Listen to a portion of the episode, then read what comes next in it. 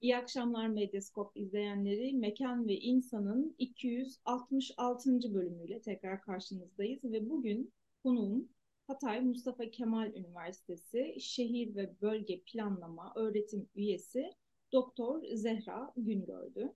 E, bugün Zehra Hocam'la sadece şehir plancısı kimliğiyle değil, aynı zamanda depremzede ve deprem sürecini depremin hasar verdiği yerde deneyimlemiş e, bir vatandaş olarak da hem gözlemledikleri hem de biriktirdikleri ile e, karşınızda olacağız. Hocam hoş geldiniz. Hoş bulduk hocam. Teşekkür ederim bana yer verdiğiniz için. Ben teşekkür ederim hocam. Her zaman e, mekan ve insan sizin e, yeriniz. İstediğiniz zaman burada sizi seve seve ağırlarım. E, ben sözü hocam zaten size bırakarak başlayacağım aslında. Çünkü sizinle daha önce gerçekleştirdiğimiz mekan ve insan programlarında da biz Hatay üzerine konuşmuştuk sizinle. Ve e, Hatay aslında gerçekten özellikle barındırdığı Suriyeli göçmen nüfusu sebebiyle çeşitli kırılganlıklara sahip bir kentti. Ve depremin ardından da tabii bu e, bizim e, çok da hazırlıklı olmadığımız ne yazık ki altyapısal olarak da hazırlıklı olmadığımız, kurumsal olarak da hazırlıklı olmadığımız başka kırılganlıkları da beraberinde getirdi. E, dolayısıyla ben sözü burada size bırakarak hemen 6 Şubat'tan bu yana e, siz bölgede yapılan, yapılmayan, altyapısal ya da mevzuat ile ilgili e, eksikliklerden genel olarak bir çerçeve çizerek bahsedebilirseniz çok sevinirim. Buyurun. Tabii ki bahsederim. Ben öncelikle 6 Şubat'ta e, bu felaketi yaşayan herkese geçmiş olsun dilemek istiyorum ve başsağlığı dilemek istiyorum. E, çok kayıplarımız oldu gerçekten ve telefon rehberime bakmak istemiyorum inanın. Silmem gereken o kadar çok fazla numara var ki.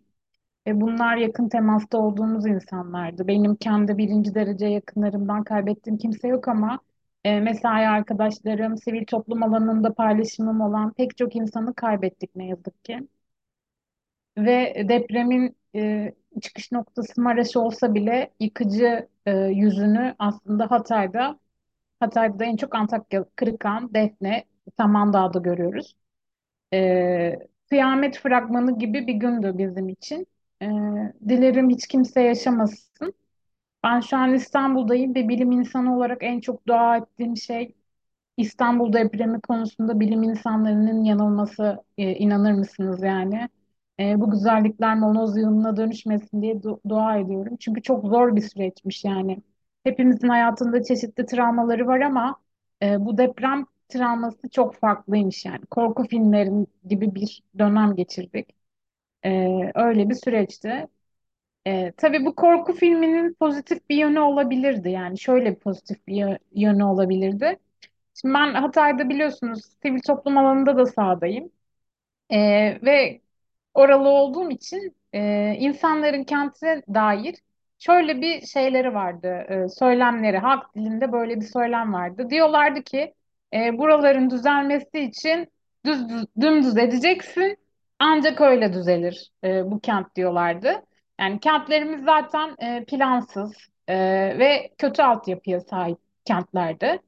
E, tabii ki Hatay'ı Hatay yapan önemli gelişmeler de vardı işte o tarihi çekirdeğin dönüşümü, ki bunu eleştirmek gerekir yani oradaki dönüşüm tamamen turizm odaklı bir dönüşümdü. O yeme içme mekanları, eğlence mekanları olarak bir dönüşümdü ama yine de insanların e, in, sosyal medyada paylaşmaktan haz duyduğu alanlar haline gelmişti.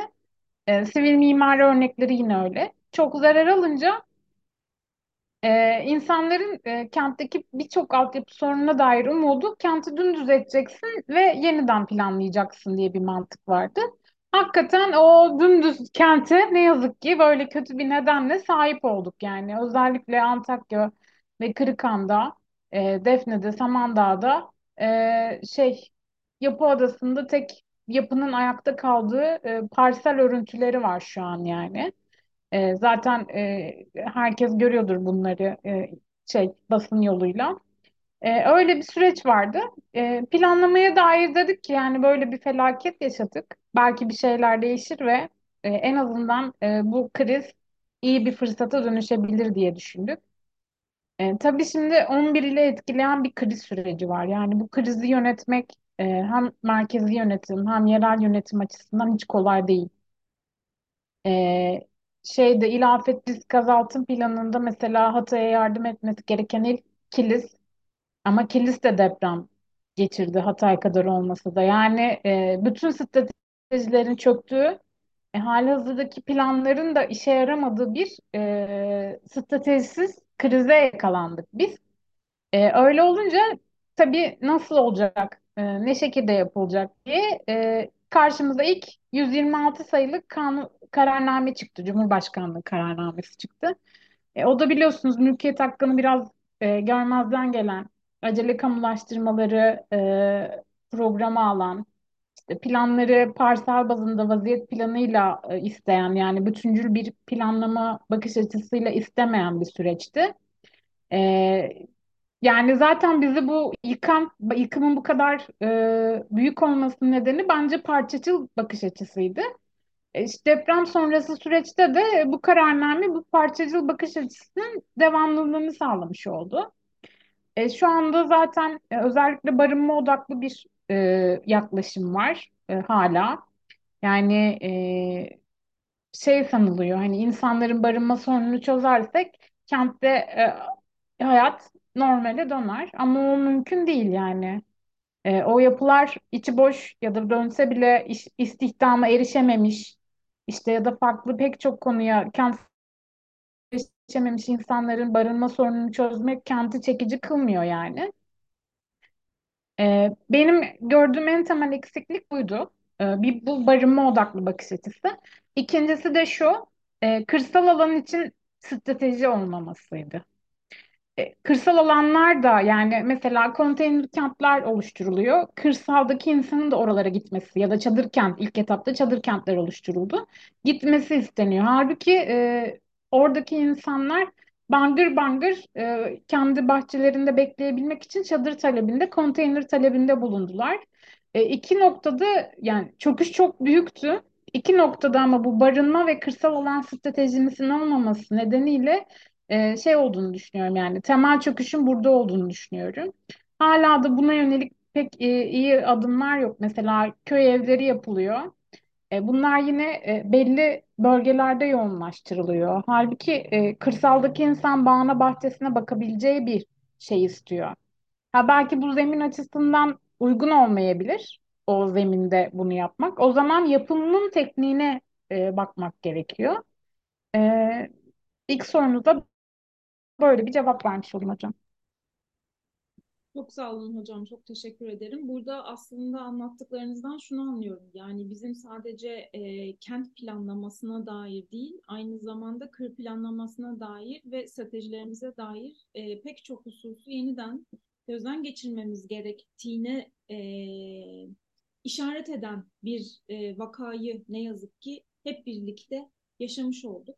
E, ben sizinle e, pek çok kereler e, aslında bu programı gerçekleştirmeden evvel de e, konuşma fırsatı bulmuştum ve sizin sıklıkla dile getirdiğiniz hususlardan bir tanesi ve kızdığınız Antakya romantizmi. Belki biraz bunun üzerine de e, konuşuruz. Çünkü siz e, diyorsunuz ki çok ciddi bir Antakya romantizmi yapılıyor ve e, bu aslında durumu e, açıklayan ya da duruma e, e, bir hani yaraları sarmaya yarayan bir işlevi de yok. Ee, biraz burada ne demek istediğinizi, neden e, buna kızdığınızı e, daha iyi açıklarsanız eminim izleyicilerimiz de bu söylediklerinizden pek çok şey öğrenecektir. Ee, şimdi insanlar Hatay denildiği zaman tabii ki tarihi kadın birikiminden dolayı Antakya'yı anlıyorlar ve oradaki yıkımı anlıyorlar. Antakya'nın çok kültürlü yapısı, sosyodemografik yapısı, kurduğu networkleri açısından sesini daha duyulmuş olması çok normal, beklenen bir şey. E bir de tabii ki kültürel miras birikimi var. Yani somut kültürel miras birikimi var. Pek çok sivil mimari örneği orada. E, sit alanı dediğimiz yani kentsel sit alanına sahip e, hala geçmişten izleri okuyabildiğimiz bir bölge. Ve bu bölgenin e, almış olduğu yere da tabii ki e, sesini daha güçlü duyurdu. Hassasiyeti de daha fazla çok çekti. E, ama e, şöyle bir durum var. Yani e, benim kendi gözlemim depremin ilk gününden itibaren oradaki sivil mimari örnekleri ve o e, şey anıt eserler ayağa kalktığı zaman Hatay ayağa kalkacak algısı var. İşte restorasyon, ya bize yardım için arayanlar da işte hangi yapıyı restore edelim, hangisine bütçe ayıralım e, gibi böyle e, destek mekanizmaları oluştu. E, beni bu çok üzdü. Bence depremde en çok düşünmemiz gereken şey şuydu. Yani e, tarım alanları ve e, tarımsal üretimin geleceği boyuttu. Yani çünkü Hatay Türkiye'de tarım potansiyeli açısından önemli bir yer. Bir de kırsaldaki hikayeyi sürdürebilirsek kentten kopuş bir tık e, normale gelebilir yani. E, bunlar hiç konuşulmadı bile. Hep Antakya üzerinden konuşuldu. İşte Antakya sokaklarından fotoğraflar paylaşıp e, İyileşeceksin Antakya, iyi olacaksın Antakya. İşte ne bileyim yeniden eski günlerine döneceksin. Ee, ya da farklı boyutuyla e, yoğun bir Antakya şeyi var yani böyle bir e, medya bombardımanı var. Şimdi ben de bir plancı olarak Antakya beni çok etkiliyordu ve o sokaklarda olmak, fotoğraf çekilmek, sokakları reklam etmek benim için de çok özeldi. Ama yani e, neticede bilim insanlarıyız ve bizim ilk baştan itibaren e, farklı konuları düşünmemiz gerekiyordu. Biliyorsunuz doktora tezim göç. E, öngöremediğimiz bir göç dalgası oluştu. Ve bugün hala geri dönmek için inanın e, çok geçerli nedenimiz yok oraya. Yani ben tabii ki döneceğim. Benim o kentle kurduğum bağ çok farklı. E, ve iyi kötü or- orta hasarlı da olsa barınma umudum olan bir evim var. Ama insanların evi yok. Ee, bir de ben mesela Antakya'da olsaydım evden internetle bugün size bağlanabilir miydim bilmiyorum. Altyapı o kadar kötü. Elektrik, su, yani temel ihtiyaçlarınıza erişemiyorsunuz. Maslow'un ihtiyaçları hiyerarşisi piramidinde en temel noktaya yani en alt noktaya yeniden düştük hepimiz. O yüzden e, bunları konuşmak gerekirken işte demografik kaygılar var, göç e, olduğu için, Suriyeli göçü olduğu için. Ee, böyle bir süreç yaşadık. Bunları tartışmamız gerekirken biz Antakya'daki yapıların geleceği, Antakya'nın sanki tek kimliği o yapılardan oluşuyor gibi e, bunları tartıştık ve bunun bilim insanları da körükledi bu tartışmaları yani benim gördüğüm o. E, oradaki kültürel mirasın konuşulduğu kadar kente yeniden göçün nasıl olacağı ya da kentin geleceğine dair e, tescilli şey sit alanı dışındaki bölgenin geleceği konuşulmadı. E, bu bayağı bir e, üzücü bir süreçti yani benim için. Çok rahatsız etti beni Antakya. Bir de tabii seçimlerde de yani bunun yeri değil belki hocam kusura bakmayın ama e, seçimlerde de sonuçları siyasi tercihler üzerinden e, yayınlayıp işte Antakya Antakya Defne Samandağ'da bazı partilerin oyu yüksek çıktı diye e, şey yapmak e, Kırıkhanı mesela depremde en, dem- en derin yara almış bir ili gözden gör, ilçeyi göz ardı etmek çok etkiledi beni. E, o yüzden böyle bir e, Antakya romantizminden rahatsızlık duydum. Bir süreç oldu yani. Aslında bu söylediğinizi e, ilk soruya verdiğiniz cevapla da ilişkilendirebiliriz sanırım. Kenti genel olarak daha turistik, turizme yönelik yenilemek ya da öne çıkarmaya e, çalışan bir e, kent politikasından ya da kent vizyonundan sonra depremden sonra da e, özellikle bence zaten sizin e, en önemli farkınız burada e, zaten Hataylı olmanız ve sizin bu sahayı e, işte doktora çalışmanızda da bizim daha önce mekan ve insanda konuştuğumuz üzere örneğin göç ve kentin diğer kırılganlıkları üzerinden çok daha bütüncül bir şekilde ele alabiliyor olmanız. E, bizim orta ve küçük ölçekli kentlerimizin çoğunda olduğu gibi kent merkezi ve kentin bütününün birbirinden daha ayrışık algılanması. E, dolayısıyla kentin diğer özelliklerinin, bu kenti e, öne çıkartabilecek diğer tüm potansiyellerinin e, ne yazık ki görmezden gelinmesi ya da görünmez kılınması gibi bir durum söz konusu. Elbette ki hem somut hem de soyut kültürel varlıkların korunması çok mühim. Hani sizin bu söylediklerinizden kimsenin aksini düşündüğünüzü e, sanacağını zannetmiyorum. Ama bir insan var, insan hayatı var, kırılganlıklar var ve e, aslında burada hem e, tam tanımıyla kaybedilen hayatlar hem de aslında hayatı hayat yapan kaybedilen ve tekrar belki inşa edilmesi çok güç olacak alışkanlıklar var, yaşam biçimleri var. Onların nasıl inşa edilmesi gerekebileceği ya da hani onların nasıl onarabileceğine dair e, çok fazla tartışmanın e, dediğiniz gibi e, dönmediğini e, ya da dönemediğini e, ya da yapılıyorsa da bir şekilde basında yer almadığını görmüş olduk. E, bu gecikmeli program içinde dolayısıyla sizden tekrar özür dilerim. Siz Estağfurullah hocam. söylediniz. Aslında bu konuyu konuşmak istediğinizi, bize hiç söz vermiyorlar dediğinizi. E, ümit ederim de, ümit ederim ki gecikmeli de olsa e, buradaki hani bu görüşün altını tekrar tekrar çizmiş olalım.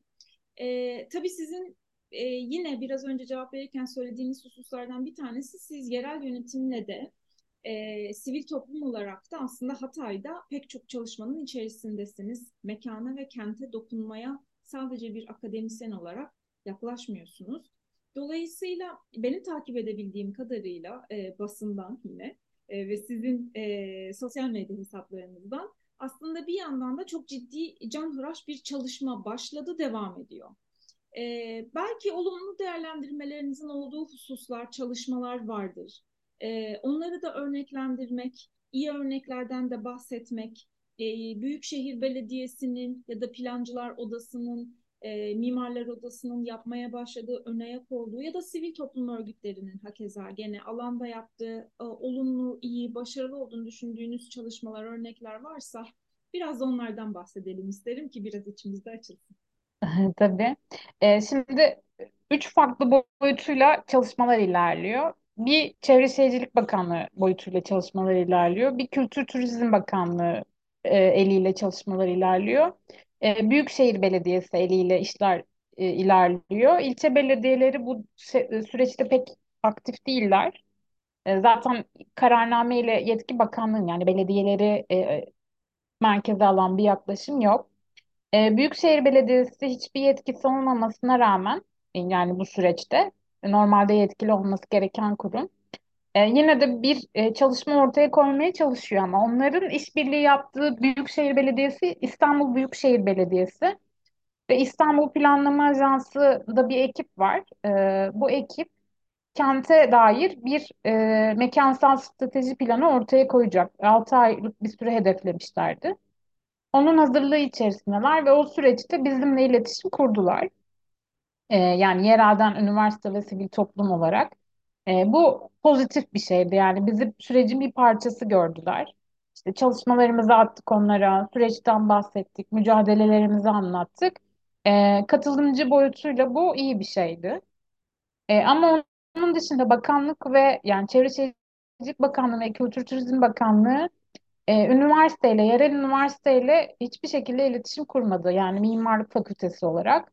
E, Kültür ve Turizm Bakanlığı'nda yine tanıdığımız arkadaşlarımız var bilim kuruluna girmiş. Burada bizden değil yani ama Antakya gönüllüsü, Antakya'yı sevip sayan e, ve e, samimiyetinden emin olduğumuz insanlar o bilim kurulunda yer alıyor ama e, bizim üniversitemiz e, yani biz biz ve İskenderun Teknik Üniversitesi pek paydaş olarak görülmedi. Ee, ya bunun şöyle bir e, olumlu boyutu var. Bizler de travma yaşadığımız için aslında bazen düşünüyorum hani eleştirme, eleştiriyi de hak, hakkaniyetli yapmak gerekiyor. Olsaydık başından bugüne sürecin e, gerçekten e, kotarabilir miydik ve katkı verebilir miydik kısmında şüphelerim var. Çünkü travmalarımız yoğun bir süreç oldu. Ama yine de e, destekleyici şekilde yine farklı üniversitelerden, İstanbul'daki üniversiteler oluyor genelde, Ankara'daki üniversiteler oluyor. Onlar olsaydı ama biz de yer alabilseydik keşke bu sürecin içerisinde ve bunu yaparken akademik ünvan değil de gerçekten çalışmaların niteliği ve çalışmaların boyutu dikkate alınsaydı. E, böyle bir süreç olmadı. E, şu an koordinasyonsuz şekilde üç koldan bir planlama yapılıyor. E, bir de e, onun dışında işte Ortak Akıl Antakya platformu gibi e, platformlar var. Bir şeyler yapmaya çalışan, Hatay için, Antakya için e, ortaya strateji koymaya çalışan. Böyle her yerden bir plan plan plan e, süreci var. E, bu kadar plan olma yani bir şeylerin planlanması gerektiğine inanma çabasını olumlu bulsam da yine eskisinden e, çok farklı bir sürece götüreceğini düşünmüyorum bizi. Çünkü e, yerelin gerçekten katıldığını düşünmüyorum bu sürece. Yani yerelin katılımını ön planda tutan bir yaklaşım yok. E, Bakanlık, e, Çevre Şehircilik Bakanlığı'nın e, işi verdiği mimar ve ekibiyle bir katılım toplantısı oldu. Yani süreci anlattı, nasıl planladığını. Orada sadece yapılmış bir şeyi paylaşma süreci vardı. E, sizi içine dahil edelim ve bir şey yapalım gibi bir süreç yok yani. Öyle bir süreç yok. Ha, tabii bu boyutlarıyla tartışmalı. Kimin katılımı? Burada mülkiyet kaygısı ön planda insanlar katılacaksa yine olmaz. Ama e, bir aktör e, analizi yapılıp e, ya da e, paydaş analizi yapılıp gerçekten iyi bir katılım stratejisi benimsenebilirdi. Böyle bir süreç olmadı. Yani bir şeylerin planlanması gerektiği çabasını olumlu buluyorum. E, ama e, eyleme geçtiğinde nasıl geçecek onu çok olumsuz buluyorum yani süreci. E, zaten plansızlıktan çok koordinasyonsuzluk e, başımızı yakmıştı. Sanırım e, şu anda e, kriz sonrasında da devam eden süreçte planın kıymeti anlaşılmış olmasını olumlu görürken e, koordinasyonsuzlukla ilgili geleneksel e, tavrımız devam ediyor anladığım kadarıyla ve çok başlılık ve dolayısıyla birbirleri arasında aslında bu iletişimi kuramamaktan ötürü kurumlar arası oluşan bu karmaşanın ya da üretilecek olan planların tabii ki uygulamaya ve eyleme geçirilmesinde pek çok problem olacaktır diyorsunuz ki zaten ben de son olarak tam da bunu sormak istemiştim. Aslında siz kendi kişisel e, belki e, hayatınız, akademik e, hayatınızla ilgili de e, açıklama yapabilirsiniz bu noktada ama e, şimdi üniversiteler açılacak yüz dönemi için. E, Hatay'ı ya da deprem bölgesini e, nasıl bir e, hayat bekliyor? Bundan sonrasını nasıl öngörüyorsunuz? Hakikaten şu anda yapılan çalışmalar bir anda artık hani e, okulların açılması, hani eğitim ve öğretim hayatının bir şekilde başlaması, bölgeye yeniden e, siz akademisyenlerin ve öğrencilerin geri dönmesiyle birlikte bir şeyler sanki normalleşmiş gibi mi görülmesini sağlar yoksa başka krizler işte hani barınma krizleri vesaire gibi şeyler mi bizi bekleyecek? Altyapı dediniz zaten sorunlu. E, bunlar ne olacak yani? Çok az bir zaman kaldı. Şu an Ağustos'tayız. E, bu programı gerçekleştirdiğimizde e, 14 Ağustos tam ortasındayız. İşte Eylül, Ekim derken bir anda zaten e, sistemin yani en azından eğitim öğretim açısından diğer her şeyi bir kenara koydum. E, yeniden normalle yakın bir şekilde devam etmesi gerekiyor ki ülkenin bir tarafı ile bir tarafı arasında ciddi büyük e, farklılıklar oluşmasın. E, neler olacak? Nasıl öngörüyorsunuz hocam? Yani e, şöyle bir süreç var. Şimdi orada barınmaya erişebilen, e, barınmaya erişmekten kastım asasarlı konutlarda ev kiralayabilmek ya da konutunuzun asasar alıp ev sahibi olarak sizin oturabilmeniz. E, Bir de konteyner kentlerde yaşam var. İkisi arasında uçurum var. Yani asasarlı konutlara erişebilen insanlar ciddi anlamda ekonomisi iyi olan insanlar. Ya da devlet memuru olan insanlar. Mecburiyetten o evleri kiralamış olanlar. E, ağır aksak da olsa e, insanların varlığı var yani. E, ve bir tık hayat normale dönüyor. Ama bu bizim anladığımız bir normal değil. Kriz sürecinin kendi yarattığı normal. İşte sokakta insan görebilmek, bazı kurumların açık olması, alışveriş yapan insanları görebilmek açısından e, biraz canlanıyor.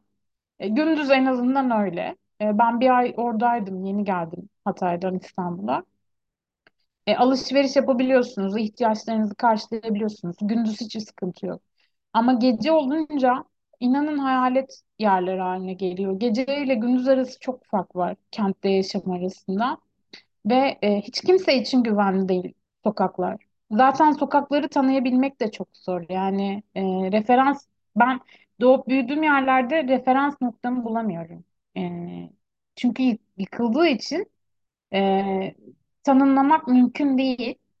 E, zor bir yaşam bekliyor. Burası net yani. Orada bize e, işte polyanlacılık yapmaya gerek yok yani hiç kesinlikle. Zor bir yaşam bekliyor. Ama iyi olması için de e, mücadele etmek de gerekiyor yani. E, belki benim en büyük hatalarımdan biri şey oldu yani depremle çıkıp geldim ben. Ama orada olacak psikolojim de yoktu yani. E, orada olsaydım e, bu size dediğim karar alma mekanizmalarına biraz daha katılma şansım olabilir miydi? E, bilemiyorum. E, orada olmanın getireceği kente dair belki bir yanlıştan döndürmek, e, işte bir karara etki etmek anlamında iyi yönler olabilir. E, öyle bir boyutu var. E, barınma sorunu çok büyük bir problem. Hele öğrenciler için. Çünkü öğrencilerin oturduğu bölgede memurlar yani orada işini bırakamayacak insanlar kiralıyor. Ve öğrencilerin ödediğinden beş altı kat daha fazla kira ödüyorlar. Öyle bir sorun var. Yurtların bir kısmı hasar aldı. Büyük bir kısmı iyi durumda ama biz yine bu yıl öğrenci alıyoruz. Yani yeniden kontenjanlarımız açık. O kapasite onları barındırmaya yetecek mi? Bunu göreceğiz yani. Ee, bir yandan da şöyle bir baskı var yani. Üniversite açılırsa kentte hayat normale döner. Canlılık gelir bakış açısı var. Ee, böyle bir baskı da var. Henüz yüz yüze ya da online eğitim kararı açıklanmadı. Ee, biz de bekliyoruz açıklanmasını. Ama barınma sorunu e, çok büyük sorun. Barınmaya erişmek de çözüm olmuyor. Yani orada teknik altyapıya hastalandığınızda gidebileceğiniz hastane olması, işte bir takım ihtiyaçlarınızı karşılayabileceğiniz alanlar olması çok önemli. E, bir yandan da toz her yer. E, o tozu solumak da sağlıklı değil. E, yani barınmayı çözmek sorunları çözmüyor. Bizi oldukça zor günler bekliyor. Ee, evet tabii asbest meselesi çok önemli bir problem. Ee, bu e, yıkıntıların ve molozların tabii döküldüğü alanların e, biz hep kent ve kentsel yaşamdan bahsediyoruz ama plancılar olarak tabii e, e, kentsel mekanla kırsal mekan hiç fark etmeksizin e, fonksiyonların, işlevlerin e, nereye ve nasıl yerleştirileceğiyle ilgili e, 4 sene boyunca biz bilimsel bir eğitim, mesleki bir eğitimden geçiyoruz. Ardından tabii buna tezat oluşturacak şeylerle karşılaştığımız zaman aklımız başımızdan gidiyor. Ee, yine molozların işte e, döküm alanlarına baktığımızda ve dediğiniz biraz önce kentin toz altında kalması, işte baskın rüzgar yönünün düşünülmeden e, yerleştirilen alanlar olması. E, denize de tabii büyük bir kısmı e, bu asbestin ve tozun gidiyor. Dolayısıyla aslında Akdeniz kıyısındaki tüm komşu kentler de ne yazık ki e, bundan e, dolaylı ya da belki de doğrudan e, çok uzun vadede olmayan bir şekilde etkilenecek. Tarım alanları e, hakeza. Ormanlar orada nefes alınabilecek akciğerlere hani birazcık temiz hava girsin diyeceğiniz her yer aslında şu anda çok ciddi bir hani kirli hava tehlikesi altında ve o toz dumanının altında kalan pek çok şeyde ölmeye ya da zehirlenmeye e, tehlikesi altında.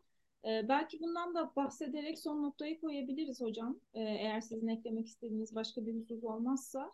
E, kentin e, mekan, insan la olan ilişkisinin dışında biz bir de oradaki doğaya da hakikaten çok ciddi hasarlar verecek e, hatalı kararlar alındığını çok hızlı bir şekilde eyleme geçmek adına görüyoruz. E, bununla ilgili söylemek isteyeceğiniz şeyler olur mu? Ee, özellikle moloz döküm alanları ile ilgili e, ve zeytinlikler kamulaştırıldı biliyorsunuz. Acele kamulaştırıldı ve direniş var şu an Dikmece bölgesinde. Ee, bu iki konu çok önemli. Yani moloz döküm alanları ve acele kamulaştırılan tarım alanları. E, zeytinlikler daha doğrusu. Ee, Burada e, Tema Vakfı olarak yani e, genel merkezimiz e, elinden ne geliyorsa yapmaya çalışıyor, duyuruyor, farkındalık oluşturmaya çalışıyor. Gittiler, ölçüm yaptılar e, sahada e, kirlilik sü- e, sürecini anlamak için. Bu iki konu çok önemli. Bir de molozların ayrıştırılması meselesi var. Mesela birkaç gün önce yerel gazetede e, haber vardı. Memurların olduğu bir konteyner kentin yakınında e, kirliliği geçtim sesten hayatlarını sürdüremiyorlar. Gürültü kirliliğinden yani. E, bu kadar plansız, koordinasyonsuz olmaması gerekiyor bu işlerin.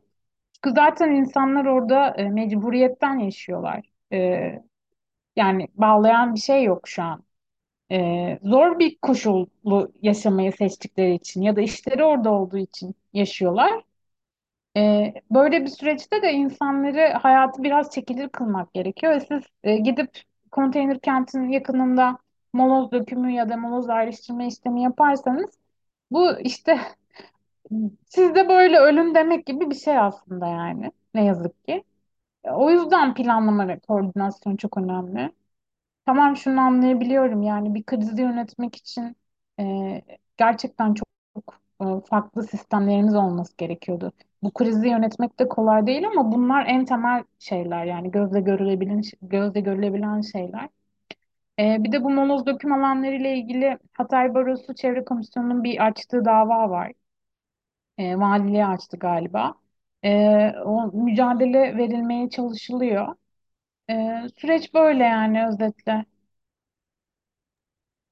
Evet, ne yazık ki çok e, iç açıcı bir tablo çizemedik. Hakikaten e, şu anda sizin söylediğiniz her e, şeyin altında aslında ciddi bir koordinasyon problemi, e, plan problemi ve kurumlar arası işbirliği problemi görüyoruz. Bu kurumların içerisinde yerel yönetim, merkezi yönetim, sivil toplum ve akademi var e, elbette ki. E, aslında her yerde ayrı ayrı e, ve iyi niyetlerle bir şeyler yapılmaya çalışılıyorsa da bunun koordinasyonu yapılmadığı müddetçe aslında e, çok da e, eylem aşamasında özellikle ve uygulama aşamasında yol kat etmek güç. Dolayısıyla emeklerin, çabaların ve pek çok kaynağın da bir noktada e, sarf edilmesi manasına geliyor bu diye düşünüyorum şahsen ben. Ee, sevgili hocam ben bugünkü program için e, çok teşekkür ediyorum. Tekrar e, bu gecikme için sizden özür diliyorum. Bu programı çok daha erken e, yapabilmeyi arzu ederdim sizinle ama işte takvim ancak bugüne el verdi. E, sizin eklemek istediğiniz bir husus var mıdır programı kapatmadan evvel? Ee, ben çok teşekkür ederim hocam söz hakkı tanıdığınız için. Ee, şey e, yerel akademisyenler olarak olmamız gerektiği kadar var olamadık bu süreçte. Ee, bana fırsat oldu. Ee, en azından şu geçirdiğimiz 6 ayı e, özetlemek anlamında. E, bir takım çabaları, herkesin çabasını çok e, doğru buluyorum ama e, yaşayan biri olarak yani travmayı da yaşayan biri olarak artık e, bizim de bir şeyleri anlatmamız gerektiğini düşünüyorum. O yüzden çok teşekkür ederim bu fırsatı sunduğunuz için. Ben çok teşekkür ederim tekrar. Ee, umarım e, bugünkü e, konuşmamızdan çıkan bazı başlıklar e, ilgililerin kulaklarına e, erişir e, ve en azından birkaç hatadan e, geri dönme fırsatımız olur hep birlikte. İnşallah. Gelecek hafta pazartesi e, Duygu Toprak ile Ortaklaşa Mekan serisinin 30. bölümünü gerçekleştirmek üzere karşınızda olacağız. Daha fazla mekan ve insan tartışması ve sohbeti için Mekan ve İnsan'ın Instagram ve Facebook hesaplarını takip etmeyi, YouTube ve Spotify kanallarına abone olmayı ihmal etmeyin. İyi akşamlar. Hı hı.